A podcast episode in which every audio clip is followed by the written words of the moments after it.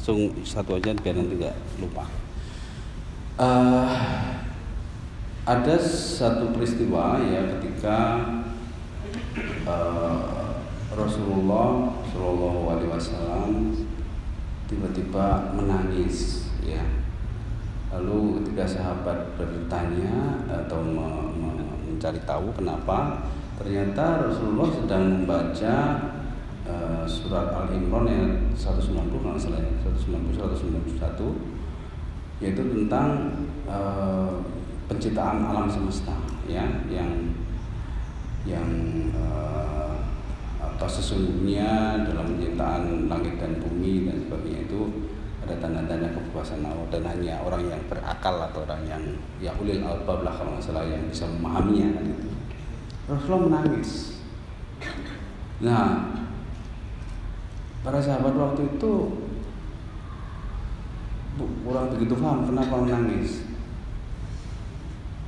Kalau kita pelajari lebih dalam ya sebetulnya tangis Rasulullah itu itu adalah apa manifestasi dari kebersyukuran.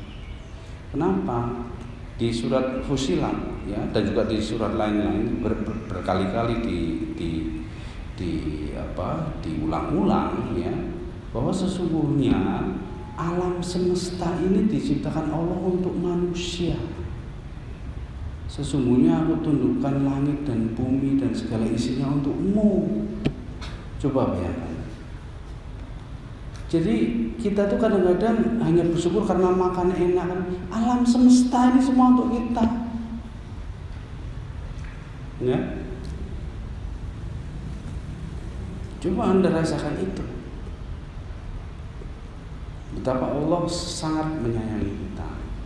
Bahkan uh, saya pernah ikut kajian Al Maghrib ya, itu Al Maghrib itu artinya Barat, artinya Islam yang muncul dari Barat karena ustadz-ustadznya itu udah orang Kanada, orang Amerika ya, tapi ya keturunan Mesir gitu. Tapi mereka sudah hidup di sana, ahli ahli komunikasi, ahli, ahli komputer dan sebagainya, lalu jadi ustadz. Dia bilang bahkan ketika Allah itu menjelaskan tentang neraka, itu sebetulnya adalah wujud dari kasih sayang Allah pada kita.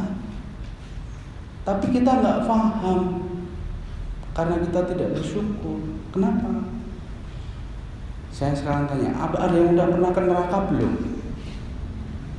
Hah? Belum kok. Nah kok dibilang Allah kejam? Jadi informasi neraka itu disampaikan supaya kita jangan sampai ke sana gitu loh.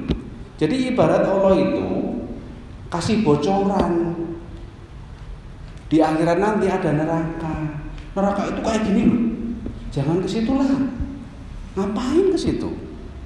Tapi kan kita tetap ngeyel. Orang yang tidak bersyukur itu deny, ya, tidak menguti ayat-ayat Allah. Sungguhnya Allah sudah memberikan pendengaran, penglihatan dan hati supaya kita bersyukur. Tapi kebanyakan kita tidak bersyukur. Jadi syukur itu adalah bungkus dari semuanya. Tujuan dari penciptaan kita itu adalah bersyukur.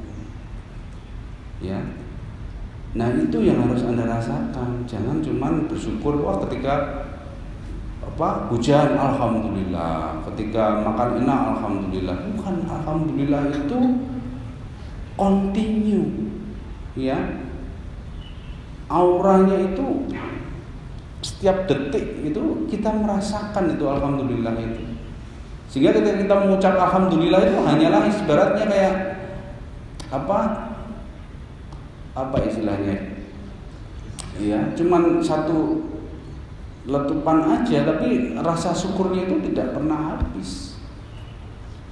Gitu ya. Jadi itu kalau kita ingin lihat ilustrasi orang bersyukur itu ya seperti Rasulullah ketika membaca surat Al-Imran 100 uh, Al-Imran atau Al-Imran ya Al-Imran 190 191 Nah kalau kita sudah bisa merasakan itu, insya Allah kita nanti akan bisa merasakan nikmatnya bersyukur.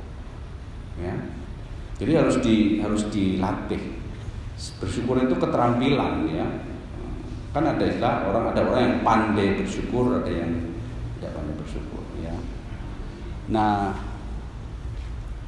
pertanyaan kedua udah lupa atau saya? Apa tadi pertanyaan kedua? Oh, rencanaan uh, bukan berarti kita tidak boleh merencanakan, tapi antara perencanaan dengan pelaksanaan itu jangan dipilah, ya. Jadi perencanaan itu wujudnya mungkin simpelnya itu adalah niat, ya niat saya berniat ini. Tapi jangan saya berniat ini pada hari ini selama sekian jam terus dihitung terus nanti kalau tidak tercapai kita keluh kesah. Waduh kok nggak bisa ya? Soalnya gimana waktu kemarin? Nah itu nggak jadi. Jadi niat itu harus dijaga. Dan kita harus paham bahwa yang akan terjadi tadi tidak akan seperti yang kita bayangkan. Sehingga niatnya nggak pernah kendor. Tapi setiap langkah kita menyesuaikan dengan keadaan. Nah itu insya Allah antara perencanaan dengan pelaksanaan nanti akan menyatu dan bahkan apa kenyataannya jauh akan lebih hebat daripada perencanaan. Jadi gerakan Indonesia beradab itu kan tahun 2016 kemarin bulan November tanggal 6 itu mendeklarasikan uh, human dignity ya Yogyakarta Declaration on Human Dignity. Rencananya tadinya saya pikir cuman uh, ada konferensi internasional gitu terus nanti siapa maju membacakan deklarasi itu gitu kan. Tapi apa yang terjadi? Ternyata itu para ahli dari seluruh dunia ya seluruh dunia artinya perwakilan lah ada sekitar 8 negara lah gitu itu maju semua. Terus acaranya itu jadi grand gitu ya kayak grand finale gitu dari suatu yang maju itu ada orang berapa? 10 atau berapa di depan 12 itu. Terus apa sangat besar nggak terbayang itu waktu rencana itu. Rencananya cuma acara ditutup dengan pernyataan deklarasi satu orang maju membacakan ini yang membacakan ahli-ahli dari seluruh dunia. Ya. Padahal apa istilahnya itu persiapannya itu baru semalam sebelumnya Artinya selama ini sudah dipersiapkan dengan berbagai macam kesibukan dan sebagainya. Draftnya udah ada, tapi semalam sebelumnya itu draftnya masih diedit, draftnya masih diedit. Siapa yang mau ngomong masih belum fix ya? Tapi karena kita kerjasama apa e, timnya itu sangat kompak, malam itu juga kita lakukan sampai jam 12 malam itu terus langsung eh, deklarasinya kan besok siang paginya pada gerilya membujuk para pembicara itu untuk maju. Mau semuanya? Coba bayangkan. Tidak seperti yang direncanakan jadi jangan kalau kita mengandalkan perencanaan itu niscaya yang kita dapatkan lebih buruk dari rencana kita. Itu dalam bahasa psikologinya disebut planning fallacy ya planning fallacy. Jadi kesalahan dalam perencanaan ketidaksesuaian antara rencana dan pelaksanaan. Tapi kalau kita itu eh, ya apa, bersyukur tadi tidak berkeluh kesah ya. Eh, kita tidak tergantung tidak dipenjara oleh perencanaan kita. Kita mengalir begitu saja walaupun juga merencanakan ya. Insya Allah tidak sesuainya itu justru lebih hebat dari yang kita rencanakan. Karena pertolongan Allah. Ya? Allah kan mengatakan jika engkau bersyukur maka aku tambah nikmat ya jika engkau kufur maka azab kan kan gitu jadi makanya bersyukur itu bukan sekedar mengucapkan alhamdulillah itu suatu mindset suatu mental state ya kondisi mental kondisi pemikiran ya yang yang komprehensif. Ya, baik. Pertanyaan berikutnya. Ada tiga boleh. Coba dibacain semua dulu nanti kalau saya lupa diulang. Jadi yang paling pertama menarik pertanyaan. Saya memiliki dosen yang memiliki anggapan dalam melakukan penelitian ilmu sosial jangan dikaitkan dengan Al-Quran karena pasti langsung salah. Pasti apa? Pasti langsung salah. Langsung salah. Sedangkan beliau juga seorang Muslim. Bagaimana menurut Ustaz? Biasanya dosen beliau kan? Emang ada yang bukan dari UGM nih? Ada ya? Ada yang dari UGM sih. Oh iya. Baik, yang kedua, Ustaz, apakah ketika kita mengalami atau melihat hal buruk, apakah bisa dihapus? Atau bagaimana cara menghapusnya agar tidak terekam di otak dan di hati kita? Ya. Melakukan ya, bukan mengalami. Mengalami atau melakukan? Mengalami. Mengalami atau melihat hal buruk. Oh iya iya iya. Yang ketiga, bagaimana kiat-kiat menghadapi orang atau keluarga dekat kita yang selalu berkeluh kesah dengan penyampaian yang uh, uh, caranya dengan penyampaian yang tidak menyinggung, sedangkan kita masih dalam tahap untuk bisa selalu bersyukur Hmm. agar tidak terpengaruh untuk ikut berkeluh kesah karena lingkungan yang baik akan membuat kita ikut baik. Tuh. Baik. eh, yang pertama, Anda harus lebih cerdas dari dosennya. Ya. Dan jangan dianggap kalau dosen itu selalu lebih cerdas dari Anda. Pertama itu. Kenapa? Karena seperti Imam Ghazali tadi, orang yang cerdas itu yang harusnya bersih, bukan yang banyak pengetahuan. Karena orang banyak pengetahuan itu bisa aja bingung. Gitu. Nah, maksudnya gimana?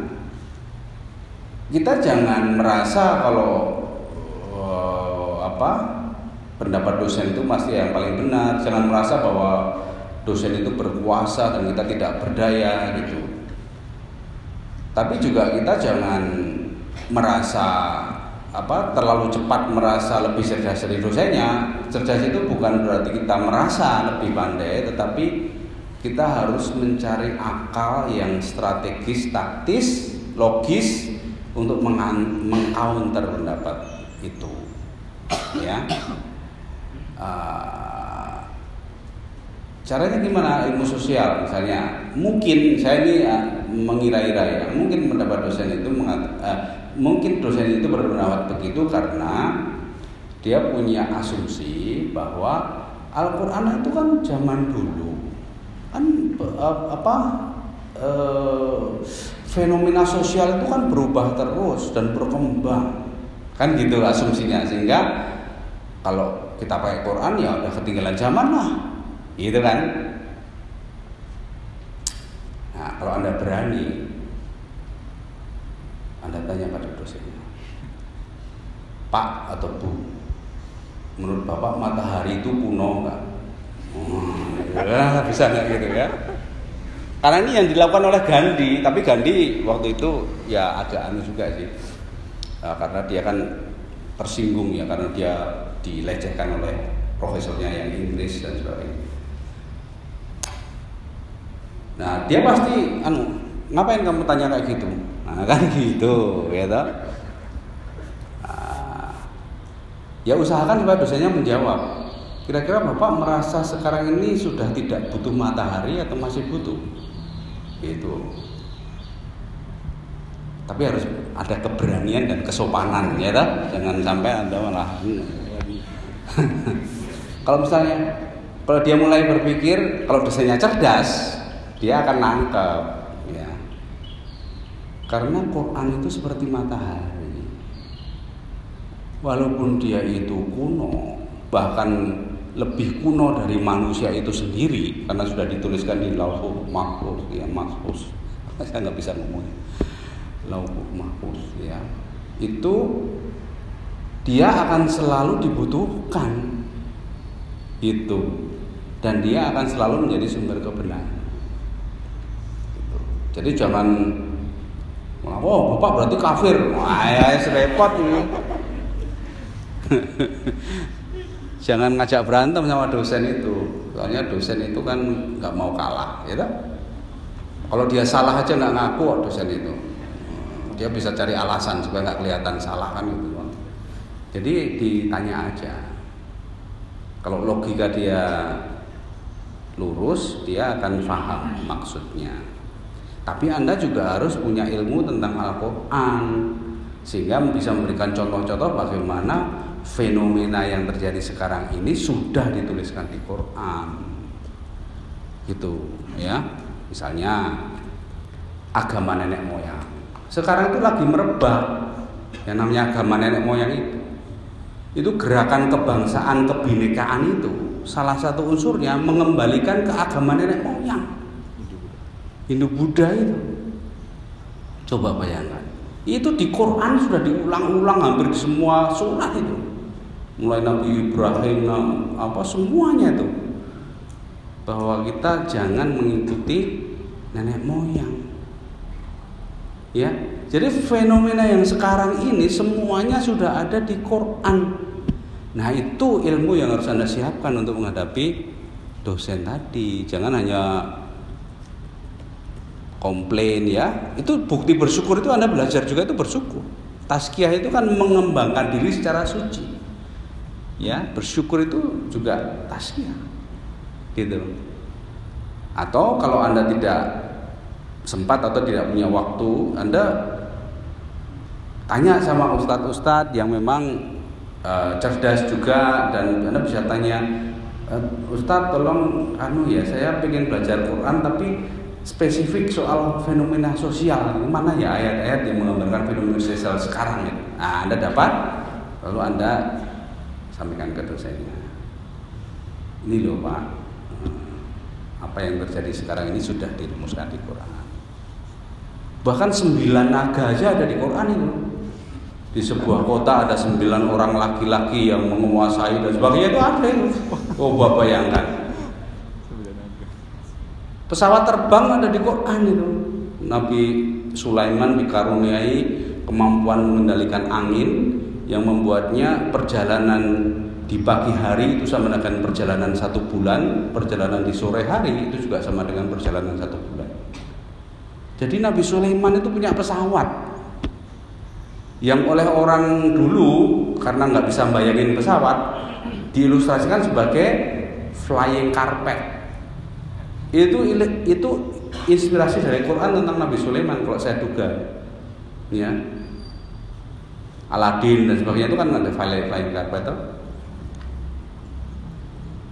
tapi kalau orang modern bayangkan itu anu, teleport ya yang masih menjadi impian para ahli fisika itu Nabi Sulaiman sudah memiliki atau sebetulnya bukan Nabi Sulaiman ya tapi salah satu umatnya itu punya kemampuan telepon.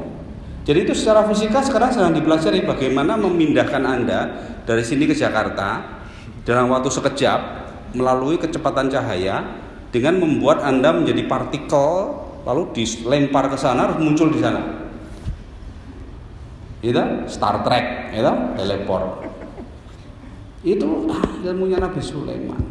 Di Quran sudah ada. Apalah, apa yang tidak ada di Quran, ya?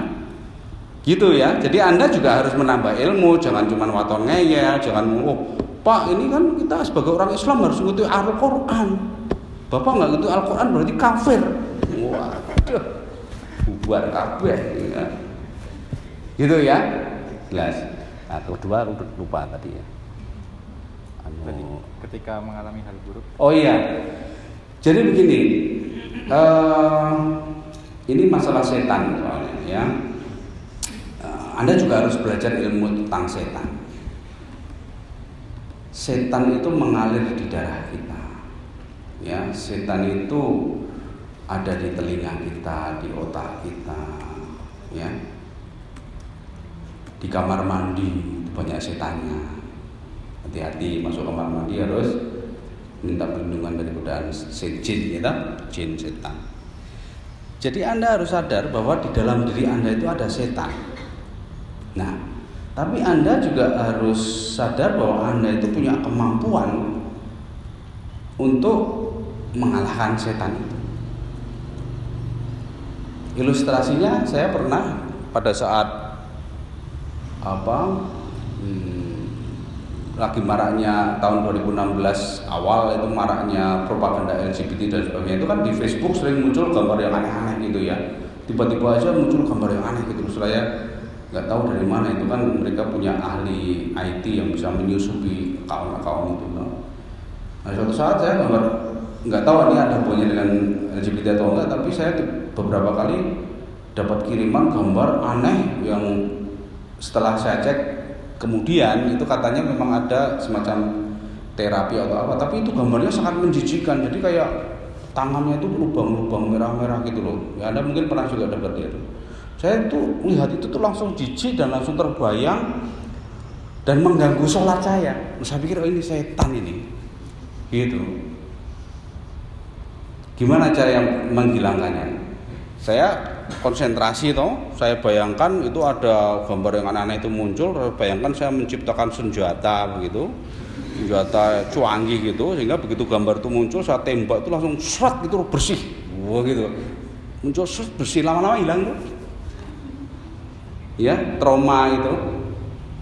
Jadi anda harus harus ber, berdialog dengan diri anda sendiri tadi untuk menghilangkan bayangan-bayangan itu itu kan sebenarnya kalau pengalaman buruk itu kan istilah psikologisnya trauma ya. Trauma healing itu ya salah satunya memang ada ada yang dialihkan perhatiannya ada yang di challenge dan sebagainya gitu ya. Supaya itu tidak ingat. Karena dia melekat eh, apa melekat di memori kita dan muncul lagi muncul lagi karena kita eh, merasa apa eh, seolah-olah kita terdorong untuk memunculkan lagi muncul lagi. Nah itu dorongan itu yang harus kita hambat. Ya. Trauma misalnya ada trauma misalnya gempa, itu saya juga trauma aduh gempa itu. Jadi naik lift di Jakarta, oh, gempa, padahal di Jakarta, kan gempanya di Jogja. Karena saya mengalami rumah eh, saya waktu itu sempat goyah, terus apa atapnya itu sempat agak jebol dikit, berjatuhan terus saya tidur itu saya dengerin lantainya tuh bunyi kruk kruk kruk kruk kruk kruk gitu ya sehingga itu traumatik ya. sehingga saya akan jadi sensitif tapi ya harus disadari bahwa itu trauma trauma itu memori yang agak nempel gitu ya yang yang mengganggu kita nah kita harus sadar bahwa kita punya kekuasaan untuk mengcounternya melawannya ya. Nah, sehingga kita perkuat itu kemampuan itu ditambahin dan doa juga ya. Karena kalau itu terkait dengan setan itu uh, setan itu kan bisa apa? mengganggu kita kecuali ketika kita sedang khusyuk ya kan kecuali bagi orang yang khusyuk yang selalu ingat pada Allah dan sebagainya makanya berdoa itu untuk ingat pada Allah itu bisa menjadi penangkal setan ya Nabi Muhammad Wasallam pun digoda setan. Tapi karena Nabi Muhammad itu uh, anunya kuat sekali, jiwanya kuat sekali, setan yang goda langsung tahu kamu setan ya, gitu. Karena ada kisahnya itu toh. terus malah ditanya kamu gimana caranya mudah manusia itu mau ceritanya cerita terus lah muncul kitab talbis iblis ilmu kesetanan gitu ya ini setannya mahasiswa seperti apa setannya dosen seperti apa setannya pokoknya semua profesi itu ada setannya semua nah kita harus selalu melawannya gitu ya. Nah kalau psikologi kontemporer nggak ada ilmu setan gitu ya. Makanya mereka terbatas. Oke baik yang ketiga? Yang tadi keluarga keluarga yang sering berkeluh kesah. Oh ya kalau jawaban singkatnya berikan cinta. Kalau keluarga tuh keluarga itu dicintai saja jangan digurui ya jangan dikritik Dicintai itu artinya Anda memberi teladan orang yang bersyukur itu seperti apa. Karena orang yang bisa mencintai dengan tulus itu adalah orang yang bersyukur. Kalau orang tidak bersyukur, dia mencintainya mesti pamrih. Ya. Kalau kamu tidak gini, aku nggak cinta lagi. Ah itu berarti nggak cinta betulan. Ya, sakinah, mawadah, warohmah itu kan cinta sejati ya. Jadi ya apa pun yang terjadi tetap cintanya tetap ya kasih sayang. Jadi nggak usah di counter nggak usah dinasehati nggak usah dikritik ya. Nanti malah tambah protes misalnya kamu kok ngomel melulu? Lah biarin nggak boleh ngomel? Lah ya wes tambah patuh ya toh. Nggak usah ditanggapi nggak usah di counter disayangi saja. Diajak ngomong yang lain. Topiknya dialihkan ya supaya dia tidak obses dengan itu. Tetapi mengalihkannya jangan terlalu kasar juga. Dia lagi ngomong soal tetangga misalnya tiba-tiba wah sepak bolanya menarik. Ah ya kado kadoan malah nesu. Kita tidak ngomong malah nah gitu ya. Dialihkannya itu pada sesuatu yang menarik, yang indah, yang yang apa e, mungkin lucu. Jadi saya itu anu termasuk apa ya e, e, istilahnya apa ya e, toleran ya toleran terhadap e, apa istilahnya itu e, dokumentasi kalau anak-anak waktu masih kecil. Dan sudah saya praktekkan ternyata e, video anak waktu kecil itu itu bisa menghibur ketika anak itu sudah remaja dan dia dia lagi rebel gitu lagi gundah gitu suruh nonton video waktu kecil itu tiba-tiba berubah moodnya. Gitu sehingga apa ya kadang-kadang mengingat kembali atau foto lah itu juga boleh foto-foto kecil. Wah lucu-lucu dan sebagainya. Itu bisa untuk mengalihkan ketika orang lagi berprosa dan sebagainya terus tunjukin foto yang lucu-lucu gitu dia akan lupa itu keluh, keluh kesahnya ya. Ingat dia akan hatinya akan lebih. Nah kalau hatinya itu sudah lembut sudah sejuk itu diajak ngomong lebih gampang ya. Tapi kalau hatinya sudah berkeluh kesah itu diajak ngomong nggak bisa.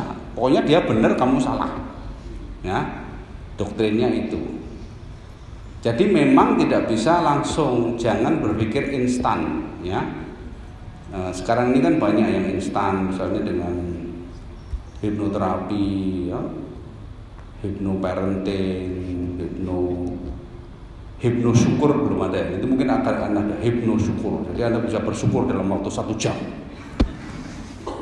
Nah itu agak susah itu. Kalau anu itu sudah ada. Belajar bahasa Inggris semalam itu saya lihat. Anu yang posternya itu di Tebet. Ya kan di Tebet waktu itu nginep di rumah temen itu terus lagi jalan dari bis dulu ada itu apa promosi. Oh ya wani-waninya promosi kayak gitu ya raisin gitu loh. Tapi ya aku ya katakanlah begini anda mungkin juga tahu bahwa itu tuh cuma sementara dan sebagainya. Tapi misalnya besok anda mau wawancara bahasa Inggris ya semalam ini saya ikut itu hypno English apa uh, course itu. Besok bisa terus besoknya lupa lagi. Nggak apa-apa lah bayar 3 juta nggak apa-apa. Kan lumayan gitu. mungkin ada yang berpikir begitu ya. Artinya saya pikir kok iklan seperti ini kok bisa berani-beraninya dan kok ya laku gitu loh aku nggak nggak habis pikir gitu. Tapi ternyata memang banyak orang yang berpikiran praktis pragmatis dan uh, manipulatif. Ya sehingga ya itu terjadi. Nah ini kalau anda membayangkan itu untuk mengajak saudara kita bersyukur jangan berpikir instan.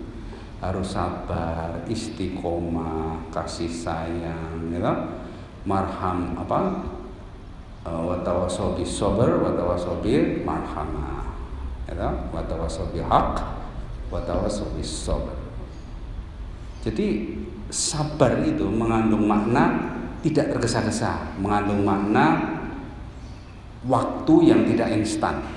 Ya. Nah ini harus ada pahami. Oke? Kalau yang berhak memberikan instan itu hanya Allah. Allah bisa memberikan hidayah itu instan. Tapi dari kita nggak bisa kita membuat sesuatu instan ya. Baik, saya kira itu. Oke, boleh boleh. Sekarang kan libur soalnya. Oh, iya. Saya juga baru kemarin ingat sekarang libur agak santai. Konsultasi. Siapa yang tanya? Maksudnya dari UPN. Ah. Assalamualaikum warahmatullahi wabarakatuh. Waalaikumsalam warahmatullahi wabarakatuh. Eh, mau bertanya eh, sebelumnya ingin eh, menggambarkan terlebih dahulu kondisi seseorang yang saja menjadi sebuah kondisi seseorang. Jadi semasa kecil, anggap saja misalnya namanya Dito. Hmm. Dito itu adalah seorang Bukan mawar bukan ya? Dito. Dito, eh, jadi Dito itu hidup dalam eh, keluarga yang salah satu ibunya itu eh, mengalami gangguan jiwa. Salah satu ibunya, ibunya maksudnya. Oh, Ibunya, ibunya mengalami gangguan jiwa.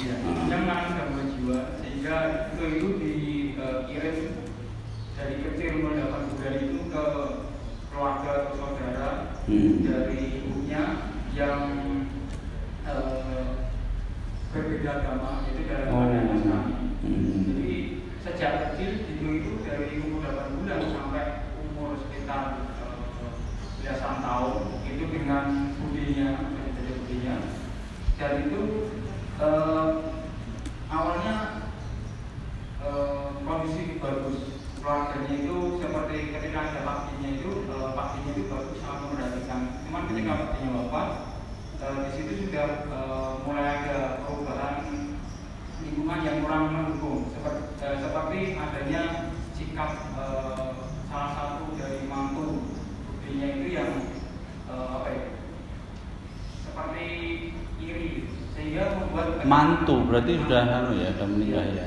jadi udah ada apa membuat tekanan batin Hmm. dan kemudian dari posisi kecil sampai eh, dewasa itu dia mengalami eh, hanya instruksi saja kurang diajak komunikasi Hmm. Nah, sehingga dia dalam bergaul dalam berbicara itu eh, mengalami kesulitan seperti itu. Nah kemudian eh, karena dalam hidup dalam keadaan eh, yang luar dari Nasrani itu eh, dari segi agamanya kurang. Hmm. Nah, cuman ketika eh, dan dari perhatian ibunya kurang dan perhatian ayahnya, ayahnya sendiri yang kerja per bulan dan seminggu kali pulang itu juga perhatiannya kurang juga. Hmm. Nah kemudian eh, hingga dewasa dia baru mulai paham belajar agama Islam. Yang Hmm. awalnya eh, sholatnya bolong-bolong, mulai nggak bolong-bolong, eh, kemudian belajar lagi terus hingga eh, bisa mengejar beberapa waktu. Cuman kendalanya untuk saat ini adalah eh, buat mencontoh Rasulullah SAW Hmm. itu adalah akhlak yang baik. Jadi eh, dia mengalami kendala dalam apa ya bersikap.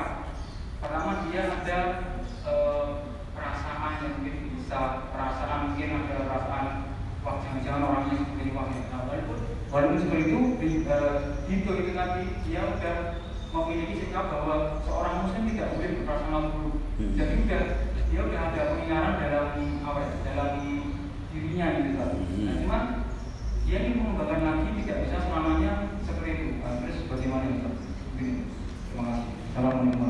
Waalaikumsalam warahmatullahi wabarakatuh. Jawaban singkatnya harus sering-sering ikut pengajian. Ya artinya eh, luka-luka eh, hatinya itu memang tidak mudah. Makanya kan eh, Al-Quran banyak sekali yang menganjurkan kita supaya memelihara anak yatim. Jadi anak yatim itu memang lemah jiwanya, ya, sehingga memang harus diberi perhatian khusus, dikasih, dikuatkan ya pelan-pelan gitu, dikuatkan, disupport, ya. Eh, Alhamdulillah dia sudah paham. Kadang-kadang ada yang tidak paham sehingga dia merasa ya memang begitulah dia, nggak mungkin berubah gitu kan. Itu lebih susah. Tapi kalau dia sudah punya pemahaman ada konflik batin seperti itu, itu artinya dia hanya perlu support.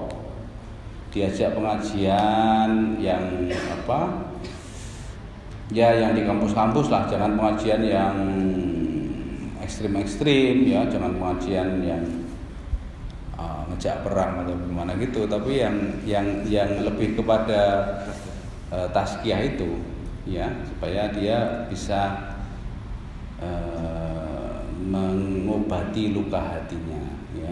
Karena memang luka hati itu agak susah eh, disembuhkan tanpa adanya proses pemahaman yang mendalam tentang apa yang dia alami ya. Sehingga dia bisa memaafkan masa lalunya dia bisa punya harapan baru tentang kehidupannya. Mungkin dia perlu belajar kisah-kisah eh, para sahabat yang bertobatnya itu sudah hampir meninggal baru bertobat misalnya gitu ya itu memberi harapan. Jadi intinya dia harus selalu disuntik harapan intinya. Intinya dia harus selalu diberi harapan dikasih contoh di dikasih pemahaman ya eh, bahwa eh, dunia ini sebetulnya tidak abadi ya bahwa hakikat kehidupan yang sejati adalah di akhirat. Dibacain bukunya Imam Ghazali tentang kimia kebahagiaan atau la tahzan gitu gitu ya di dihibur dalam arti bukan dihibur justru nonton TV atau nonton dihibur dalam arti ditumbuhkan harapan dalam hidupnya. Nah, caranya bisa macam-macam. Dan ya, itu bisa dia lakukan sendiri. Artinya tidak selalu harus dibimbing dikasih tahu aja oh, ini ada pengajian ini baik bagus buat kamu ini ada buku bagus buat kamu. nanti dia melakukan sendiri. Kalau dia sudah sadar itu lebih mudah. Ya dia akan melakukan sendiri dia akan kalau nanti terinspirasi dengan apa eh, informasi-informasi itu insya Allah dia akan bisa mengobati diri sendiri. Jadi ini ini anunya ya salah satu kekhasan dari psikologi Islam itu. Itu kalau anda belajar psikologi Islam itu anda bisa mengobati diri sendiri sehingga sebaiknya psikolog Islam itu cari kerjaan lain. Artinya jangan mengandalkan dari profesi psikologinya jadi konselor gitu. Karena tujuan dari psikologi Islam itu untuk membuat orang mandiri bisa mengobati diri sendiri bukan supaya ada jadi kliennya atau jadi pasiennya itu enggak. Jadi kerjaan apa untuk penghidupan itu sebaiknya ada variasi dagang atau apa gitulah. Atau apa pra, keterampilan yang lain. Ini ini sekedar ilustrasi saja bahwa kalau kita belajar psikologi Islam itu eh, reasoning kita akan insya Allah akan lebih lurus, akan kita akan lebih akrab dengan diri kita sendiri, lebih mengenal diri sendiri, insya Allah lebih mengenal Allah dan paham apa itu kehidupan dan seterusnya itu sehingga bisa menyembuhkan diri sendiri. Ya. Orang-orang yang mualaf itu, orang-orang mualaf itu kan sebetulnya ya di samping karena hidayah Allah dia berusaha sendiri biasanya. Tidak tergantung pada orang sebetulnya. Cuman kadang-kadang ada mualaf yang akhirnya balik lagi karena terus tidak ada support sosial juga ada. Artinya dia belum kuat masuknya. Tapi kalau mualaf yang sudah kuat itu mau tidak disupport pun dia yakin ya yakin banget. Lebih yakin dari orang Islam yang sejak lahir gitu. Karena dia sudah menerima pencerahan sudah mencari dan sudah memahami dan sudah bisa menyimpulkan.